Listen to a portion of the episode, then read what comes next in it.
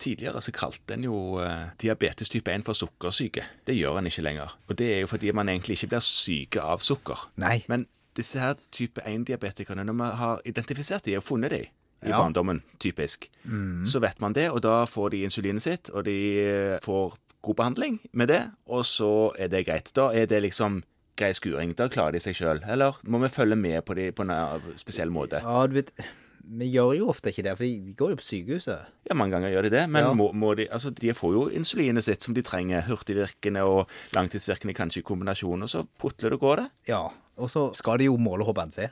Ja, og så skal de ha førerkort, men utover det, så ja. Så ser vi det ikke. Og, og det er jo klart at det, det er jo ofte sånn at de blir veldig knytta til en sykehuspoliklinikk, og så blir de gående der, og så ser ikke vi noen ting til de, og tenker ikke over at de fins, før de plutselig kommer fra en eller annen helt vanlig sykdom. Ja, og så tenk, Da glemmer du kanskje ut at de hadde diabetes. Det kan du godt gjøre. Og det er jo det som er litt dumt med at disse utelukkende følges opp på sykehus. Så det er derfor vi snakker litt om det nå. Ja, for jeg tenker at vi kan godt eh, fokusere litt på de pasientene som har type 1-diabetes. Og det er ikke noen ting i veien for at de går på noen kontroller hos oss.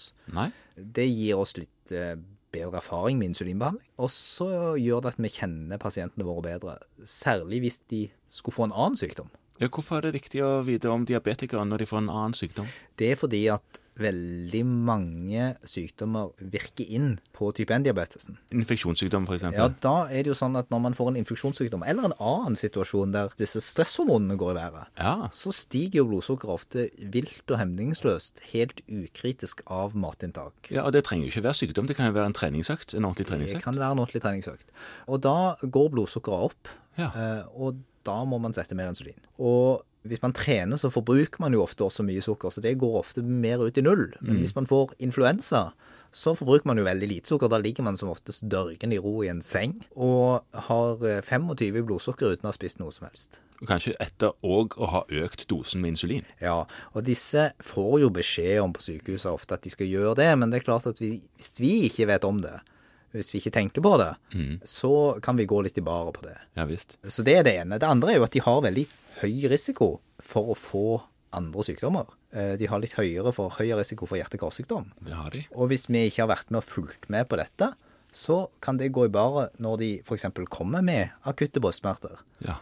Sånn at det er nok lurt av oss å involvere oss litt i de som har type 1-diabetes. Ja, og en ungdom med type 1-diabetes som jeg kanskje vil slanke seg, de har jo verdens beste slankemiddel rett foran seg. det er noe vi vet at eh, nok fortsatt særlig unge kvinner som eh, har lyst til å ha god vektkontroll, de kan jo bare la være å ta insulin. Eh, Da går man jo som kjent ned i vekt. Eh, Det er jo en veldig lite gunstig måte å slanke seg på.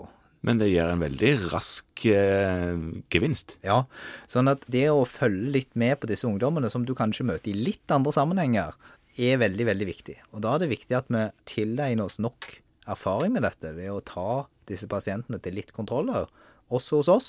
Ikke fordi de skal slutte å gå på sykehuset, for det kan de godt. Det er viktig at de har en solid og stabil oppfølging der. Men at vi også følger opp litt selv, for én å bli kjent med de, og to å få litt bedre erfaring med dette å behandle diabetes type 1, som er veldig, veldig forskjellig fra å behandle diabetes type 2. Og så er det òg disse som eh, trenger ikke være ungdommer, men de drar til Syden. I varme strøk så er de der i to uker, kanskje. Ja. Så finner de ut at oi, det var jo noe helt annet med insulin her nede enn det, var, enn det hjemme. Ja, fordi at både temperatur og væskeinntak, og særlig en ting som jo er et C-moment for mange av disse, nemlig alkoholinntaket, Ja, nettopp. eh, har jo betydelig påvirkning på blodsukker og Ja. insulinbehov. Dette kan jo være veldig greit å fortelle den 25 år gamle diabetes 1-pasienten din om før han skal eh, to uker til Syden. Eller den eh, 18 år gamle som du vaksinerer for eh, hjernehinnebetennelse i forbindelse med russetiden. Ja. eh, Som jo skal inn i en fase der ting eh, per definisjon ikke er under veldig god kontroll. Og hvis vi distanserer oss for mye fra dette, så vet vi kanskje ikke engang at de har diabetes. Så moralen er å involvere seg litt mer i eh, justeringer og behandling av type 1-diabetikeren din, sånn at du kan fange opp de eventuelt farlige situasjonene som oppstår. Ja, og da må man øve.